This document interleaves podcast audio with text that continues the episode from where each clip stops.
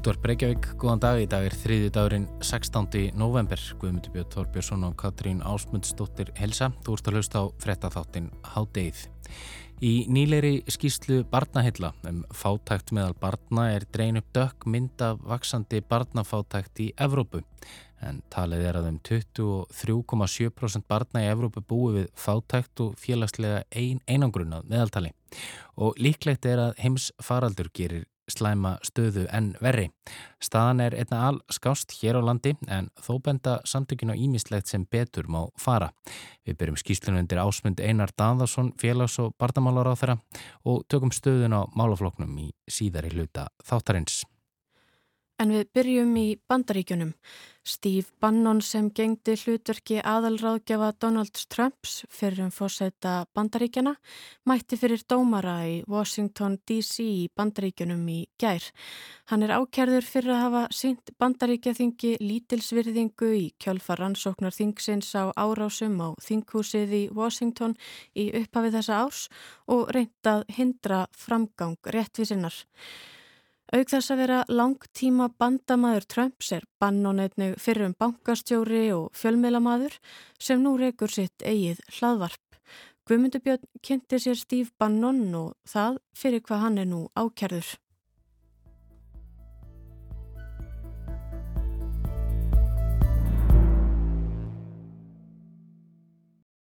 Það er 5. janúar 2021. Hér heyru við í Steve Bannon fyrir um aðal ráðgjafa Donald Trump láta gamminn geisa í hlaðvarpsþætti sínum War Room. I've met so many people through my life said, man, if I was a revolution, I would be, I would be with Washington and Trenton. Ég veit svo marga sem segja, ef ég vil verða vitnað uppreist, þá fer ég samstundist til Washington, sagði Bannon, og bætti því við að daginn eftir, þann 7. janúar, er þið fjandin sjálfur laus. Well, you know, this is where, this is for your time in history. It's not going to happen like you think it's going to happen. Okay, it's going to be quite extraordinarily different. And all I can say is strap in. You have made this happen and tomorrow it's game day. Þetta er ykkar augnablík á spjöldum sögunar. Þetta verður ekki eins og þið haldið að þetta verður. Þetta verður allt öðruvísi. Undirbúð ykkur, það er það eina sem ég get sagt. Þið hafi gert þetta að veruleika og á morgun er leikdagur, game day, sagði Steve Bannon. Þeir atbyrðir sem Steve Bannon spáði þarna fyrir um í hlaðvarpstætti sínum áttu eftir að rætast daginn eftir. Þegar stuðningsmenn Donald Trump þá fráfarandi fósetta reyðust inn í þinghúsið í Washington og komust inn á skrifstofur þingmanna og alla leið inn í þingsalinn. Markmiði var að koma í veg fyrir að þingið staðfesti kjör Joe Bidens og sigur hans í fósettakostningunum frá því í november. En eins og hlustendur eflust vita þá sagaði Trump Biden um kostningasvindl allt frá því úslilt kostningana voru ljós. Að minnstakosti fimm létust í árásinni á þingúsið og var fjöldi fólks ákjærð fyrir aðeild sínað árásinni. Trump var í kjölfarið ákjærður fyrir embættisbrot fyrir egna stuðningsmenn sína til árásarinnar en var að endingu síknaður. En nú er það Steve Bannon sem er í sviðsljósunu og aðri verðist í nokkuð vondum málum. Hann sæti nú ákjæru fyrir að hindra framgang réttvísinnar með því að neyta því að mæta fyrir dómara og vitna um aðkomi sínað mótmálunum sem og að útvega rannsóknarnemdini til hýðilegar upplýsingar sem hann hefur undir höndum. 23. september síðastliðin var Bannon byrt stefna þar sem hann var gert að mæta í réttarsal 14. oktober og gefa vittnisspurðum aðkomu sínað árásinni. Lögmenn Bannon skáfi í kjölfarið út yfirlýsingu þess efnis að hann myndi ekki mæta og það gerði hann ekki. Þá kaus fulltróðtelt bandarækið þings með því að ákjæra Bannon fyrir að lítilsverða þingið og þann 12. november var hann svo formlega ákjærður fyrir alryggistómstóli í tveimur ákjærulegum, annars vegar fyrir að neyta að gefa vittnisspörð og hins vegar fyrir að veita ekki upplýsingar. Í gær, þann 15. november, gaf Bannon sig svo loks fram og var leitur fyrir dómara. Verðið hann fundin segur geta nátt yfir höfðið sér alltaf eins ás fangelsisvist og 100.000 dólar að sektakreislu eða því sem nefnur ríflega 13 miljónum króna. En Steve Bannon stendur keikur þrátt fyrir gerninga veður síðustu daga og ávarpaði bladamenn á samt lögmanni sínum David Schoen fyrir utan domsúsið í gær. That's what this country's about. It's freedom of speech. They got their opinions, we have our opinions. Okay? Hang on, they have their opinions. Bannon gerði hér stuðningsmenn sína og Trump að umtalsefni sínu sem fjölmöntu fyrir utan domsúsið. Sjáu því skiltin sem þeir halda á lofti, saði Bannon, á þeim stendur uppreist. Það er það sem þetta land sínst um málfrelsi. Þá bætti hann því við að núverandi þingmeirhluti demokrata hafi sína skoðanir en hann og sitt fólk hafi sínar. Merrick Garland, alriki saksóknari sem leiðir máli gegn Bannon, er í djúpum skítað hans mati og þess sama gildir um Nancy Pelosi, fósetta fulltrú og deildar bandaríki þings og Joe Biden, fósetta. I'm telling you right now, this is going to be the misdemeanor from hell for Merrick Garland, Nancy Pelosi, and Joe Biden. Joe Biden ordered Merrick Garland to prosecute me from the White House lawn when he got off Marine One. And we're going to do, we're going to go on the offense. We're tired of playing defense. We're going to go on the offense on this and stand by. Bannon sakar hér Merrick Garland, Pelosi og Biden um gróflegar miskjörðir í starfi og segir að Biden hafi skipað Garland að ákjara sig um leið og hann varð fósetti. Nú ætlum við að spila sóknarleik, sagði Bannon og hætta að spila vörn. Þau gögn sem fulltrúadeildin hefur undir höndum og er í raun aðgengileg öllum en Bannon barað skila lögum samkvæmt að beðni dómara er fyrirnendur hlaðvarpstáttur frá 5. januar. Þar sagði Bannon ennfremur All hell is gonna break loose tomorrow eða allt fyrir til fjandans í fyrramálið sem að mati rannsækanda þykir gefa vísbendingum og Bannon hafi vitað hvað myndi gerast en ekki gert neitt til að koma í veg fyrir það. En að mati lögfræðinga Bannons þarf hann ekki að upplýsa um samskipti sín við fórsetan á grundvelni regluna um fríðhelgi framkvæmdavaldsins. Trump hefur sjálfur kvart fyrirvenandi aðstofamenn sína og ráðgjafa til að hafna því að bera vittni á þessum sömu fórsendum. David Sjóen, lögmaður Bannons, segir Garland Alrikis saksóknara þegar hafa gert uppi hugsin. This is not an investigative committee. There's nothing for him to investigate when he's made a prejudgment. You have other members of the committee who announce their prejudgments well in advance. It's not equal justice under the law, Mr. Garland, to charge a matter like this criminally. Og Steve Bannon er í vígahug. Hann segir að þessi aðferð gegn sér sé ekki eitthvað sem varði aðeins republikana, heldur einnig demokrata. Allir sem álíti sig frjálslinda í þessu landi og vilji málfrelsi eða berjast fyrir hans málstað. Uh, by the way, by the way, by the way, not just Trump people and not just conservatives. Every progressive and every liberal in this country that, that likes freedom of speech and liberty okay, should be fighting for this case. That's why I'm here today, for everybody. I'm never going to back down, and they, they, they took on the wrong guy this time, okay? They took on the wrong guy. Þeir tóku vittlösan mann fyrir, sagði Bannon, og Merrick Garland, Nancy Pelosi og síðast en ekki síst Joe Biden fá að finna til tefasins. By, by the way, by the way, if the administrative state wants to take me on, bring it. Because we're here to fight this, and we're going to go on offense. And you stand by, you see how we're going to go on offense, okay? Nancy Pelosi, Merrick Garland, Joe Biden, the whole, the whole, all of them. Það ljósta Steve Bannon óttast ekki að verða fundin segur. Málið sé farsi frá upphæfi til enda hans mati og varði fyrst og fremst réttindi fólks til að tjá sig, málfrelsi. Hann er ekki í haldi lauruglu en vegabref hans hefur verið gert upptækt og verður honum gert að tilkynna sig til yfirvalda vikulega. Þar til dómur er upp kveðin.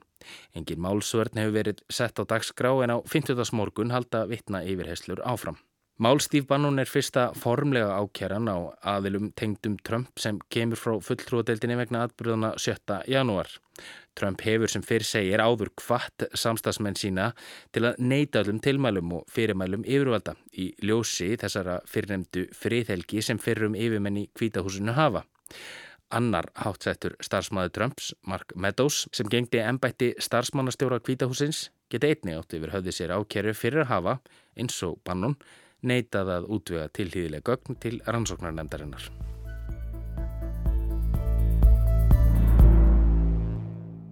Í nýlegri skýslu samtakana Barnaheill Save the Children um fátækt meðal barna er dregin upp dökk mynd af vaksandi barnafátækt í Evrópu.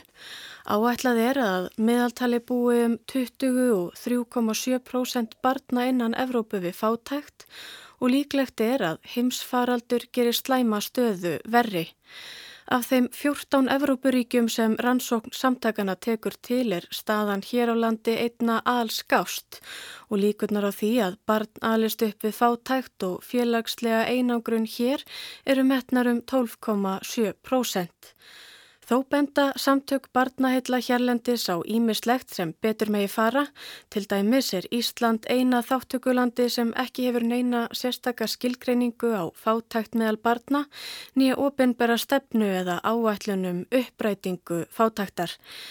Þá er bent á að tryggja þurfi betur jöfnuðinnan mentakerfisins aðgengi barna að gæða mentun og tómstunda og frístundastarfi án hindrana, tryggja þurfi aðgengi barna að örugu húsnæði og gjald frjálsri og vandari þjónustuðinnan heilbreyðskerfisins.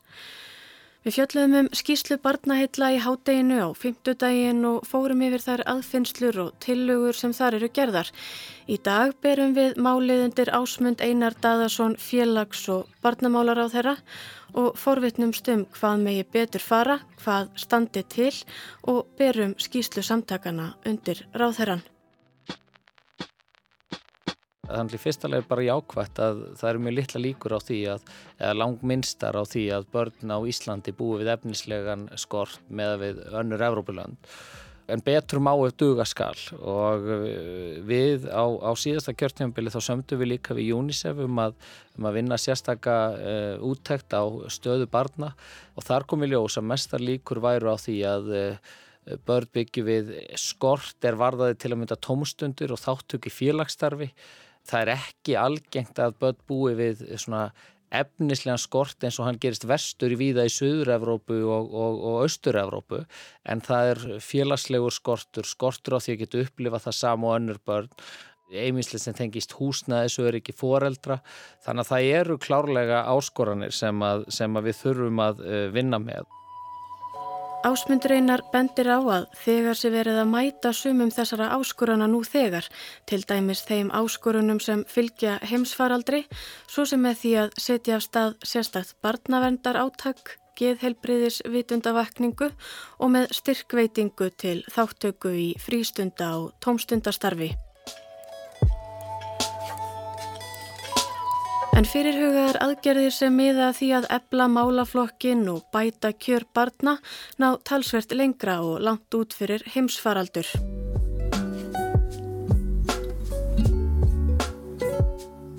Við höfum verið að þróa núna í fyrsta lagi mælabort sem að aðstofar okkur á rauntíma við að fylgjast með stöðu barna allstað á landinu. Og ein vittin þar inni í því mælaborði er efnahasleg staða barna eða efnahasleg staða foreldra þeirra og þá þáttaka í tómstundum, þáttaka í hinn og þessu hvað börn geta ekki verið að fá sem önnur börn fá og við viljum að eh, öll börn geti notið. Svona mælaborð reiknum við með því og er verið að prófa það núna til innleðingar í nokkrum sveitafélagum að verði klártu mitt næsta ár. Þannig að við getum á hverjum tíma og rauntíma fylst með upplýsingum og borið saman á milli sveitarfélag og milli þjóðfélagsópa hvar þurfa að grípa inn í. Og þetta er hluti af þessum stóru breytingu sem við höfum verið að innleiða á, á síðasta kjörtnjöfumbil og er að halda áfram núna og þá kemur síðan það sem á að taka við og grýpa inn í er síðan þessi nýja lögjöf um samþætt að þjónust í þáu barna. Og við erum undirbúið reglugerðina núna sem byggja á þeirri lögjöf og innleiðingun á því sem byggir á því að ef að barn verður fyrir, uh, ef það eru frávík í lífi barns með einhverjum hætti sem við sem samfélag teljum að það eigi að grýpa inn í að þá grýpur þessi nýja lögjöf inn í. Uh, og það frávik getur verið uh, efnislegu skortur. Það frávik getur líka verið eitthvað sem er eins og ofbeld á heimili eða veikind á heimili eða eitthvað slíkt. En efnislegu skortur er eitt frávik þann inni og það að, ákveðin börn séu kannski ekki taka þátt í tómstundum og þá er það frávik sem á að vinna með og þá erum við búin að búa til kerfi sem á að halda utan um að vinna með það. Meðal annars þá aðstofa fjölskylduna við það að barni geti tekið þátt í tómstundum. Ef að um er að ræða efnaðslega skort sem að þar býra baki það getur líka einfallega verið einhvers konar félagslegt skilningsleisi, ekki skilningsleisi heldur Ég maður sér til að mynda með börn af erlendum uppruna, oft er það vegna þess að foreldrarnir bara þekk ekki og veit ekki hvað er í bóði og það er ekki verið að bjóða börnunum uh, upp á að taka þátt og oft á tíðum er það þannig að þau koma frá löndum þar sem að kannski er bara hættulegt að börn taki þátt í tómstundum í íþróttastarfi utan hefbundi skólastarfs. Þannig að það þarf að vinna með þá þætti alla og það á þessi nýja lögjöf að gera og innleggingin á henni á að geta aðstóða okkur við það, taka þessi börn og þessar barnafjölskyldur og grýpa fyrir í og styðja þær og styrkja. Og við höfum að geta séð tölfræðina þá á því þegar okkur er að takast það og þegar okkur er ekki að takast það. Og við höfum að geta borið það saman á milli sveitarfélaga og milli svæða, milli skóla, milli þjóðfélagsópa og það er síðan þessi tölvugrunnu sem á að geta aðstofa okkur við það. Við erum að búa til talkerfa milli, sam, milli kerfa hvernig á að bregðast við, hverja á að kalla borðinu með fjölskyldinu, skólan, íþróttafélagi, félagstjónustuna vegna þess að ég held að við séum og það finnst mér koma glögglegi ljós í þessari e, skýrslu er að almennt er kerfið okkar að grýpa ansi mörg börn og ansi margar fjölskyldur en það eru þessi jáðartilvig og við erum með ofta tíðum fjármagnið inni hjá ríki og sveitafélagum til þess að grípa þau. Það þarf að komast í snertingu við fjölskyldunar og aðstóða þær til þess að, til þess að ná að uh, ná að valdefla viðkomandi einstaklinga. Og við höfum auðvitað verið að grípa inn í meðal annars með tómstundaþáttökunni. Og það er meðal annars vegna þess að ábendingar er að berast. Tölfræðin er að sína okkur það að það er hætta á því eftir uh, faraldur eða eftir áfall eins og þjóðin er að varða fyrir núni í COVID að það sé hætt á því að börn drægist út úr tómstundum. Og þá er það þau tekjulagstu sem er ofta mest hættan.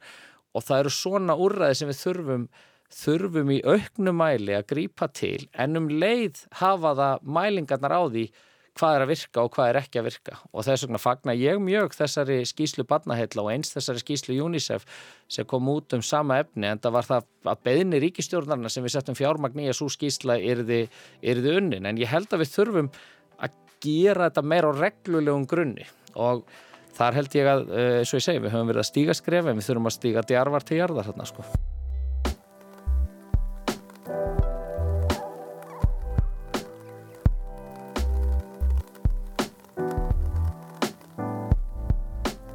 Mér finnst við hafa stígið skref sem skipta máli, bæði í raunverulegum aðgerðum en líki umgjörðinni, en ég held að við séum rétt að byrja. Við þurfum að stíga miklu fastar og djarvar til jarðaratna og okkar markmið á alltaf að vera við séum nummer eitt í heiminu þegar kemur að þáttöku batna, fátakt batna uh, möguleikum batna á það að valdeflast, möguleikar hjá börnum á það geta flust á milli í þjóðfélagskeðjunni í tekjutíundakeðjunni.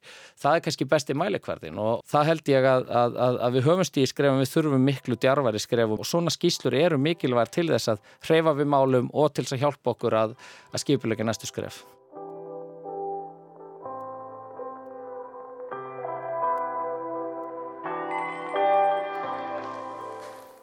hvað er langt í að þetta kerfi komist á?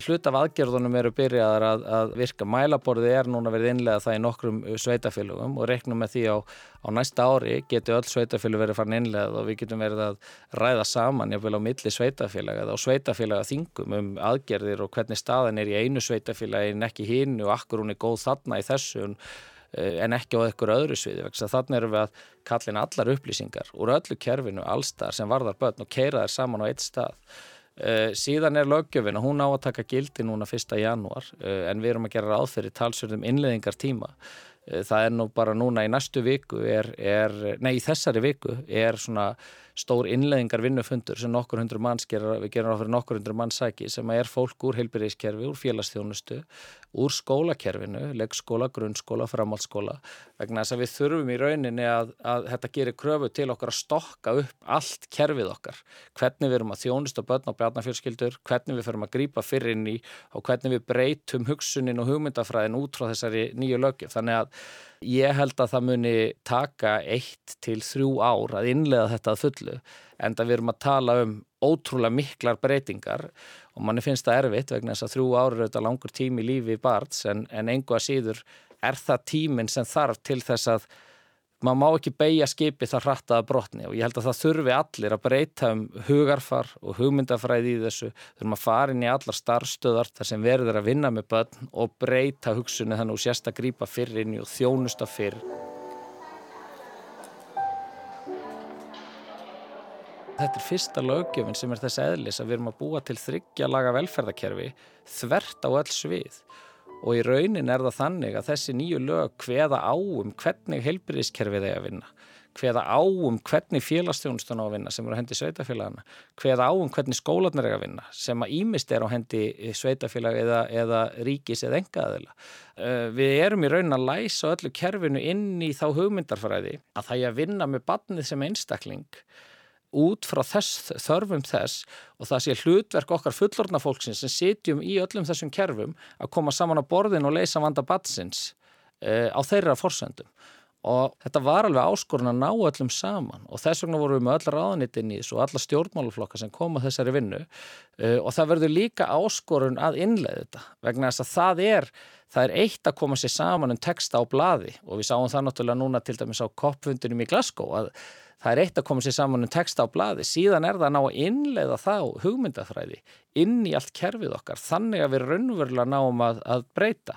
Og ég er fullur bjart sín á að það, það geti tekist. Og þar mun hjálpa okkur líka þetta mælaborð og tölfræðin vegna þess að þar munum við geta verið að sjá hvað er að ganga vel og hvað ekki. Og við hefum lagt upp úr því að vinna rosa þjætt með sveitafélagunum og með öllum sem er að vinna með börnum og einnið annan hátt frjálsum félagarsamtökum vegna þess að ég held að öðruvísi náum við ekki þessari stóru breytingu í gegn.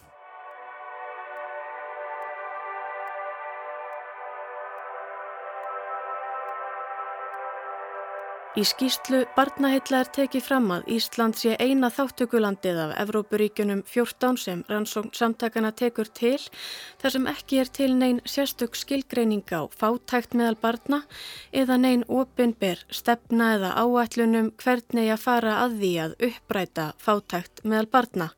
Þá vanti hér að hviði sjáum þáttöku barna í málefnum er þau varða og hvernig hún eigi að líta út en stendur til að bæta úr þessu er þörf á slíkri stefnu og skilgreiningu yfir höfuð.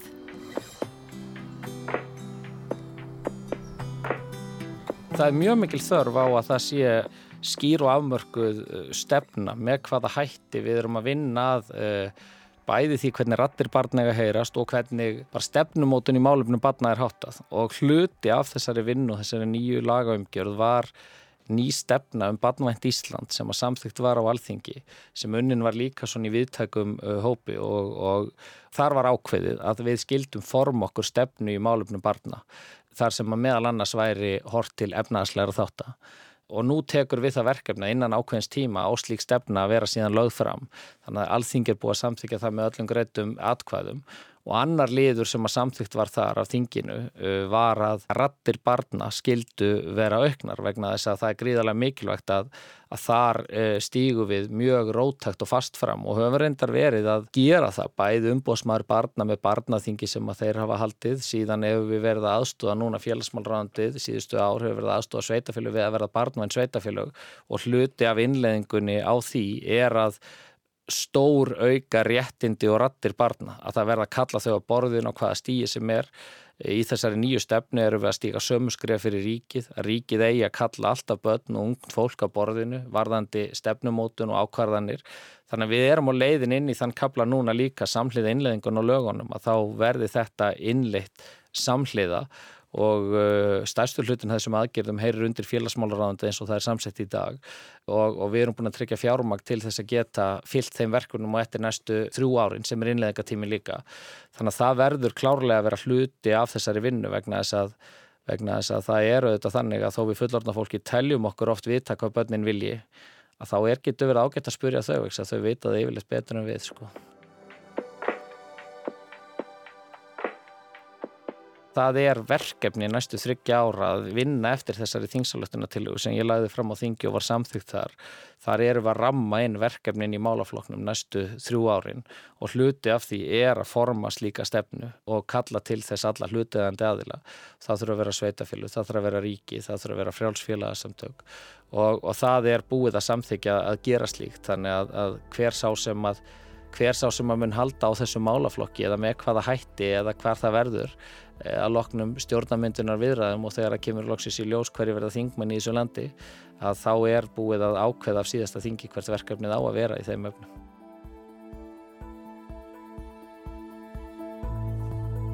Sagði ásmundur Einar Daðarsson félags- og barnamálar á þeirra en hátegi þeir á enda í dag. Við verum hér aftur á sama tíma á morgun. Verið sæl.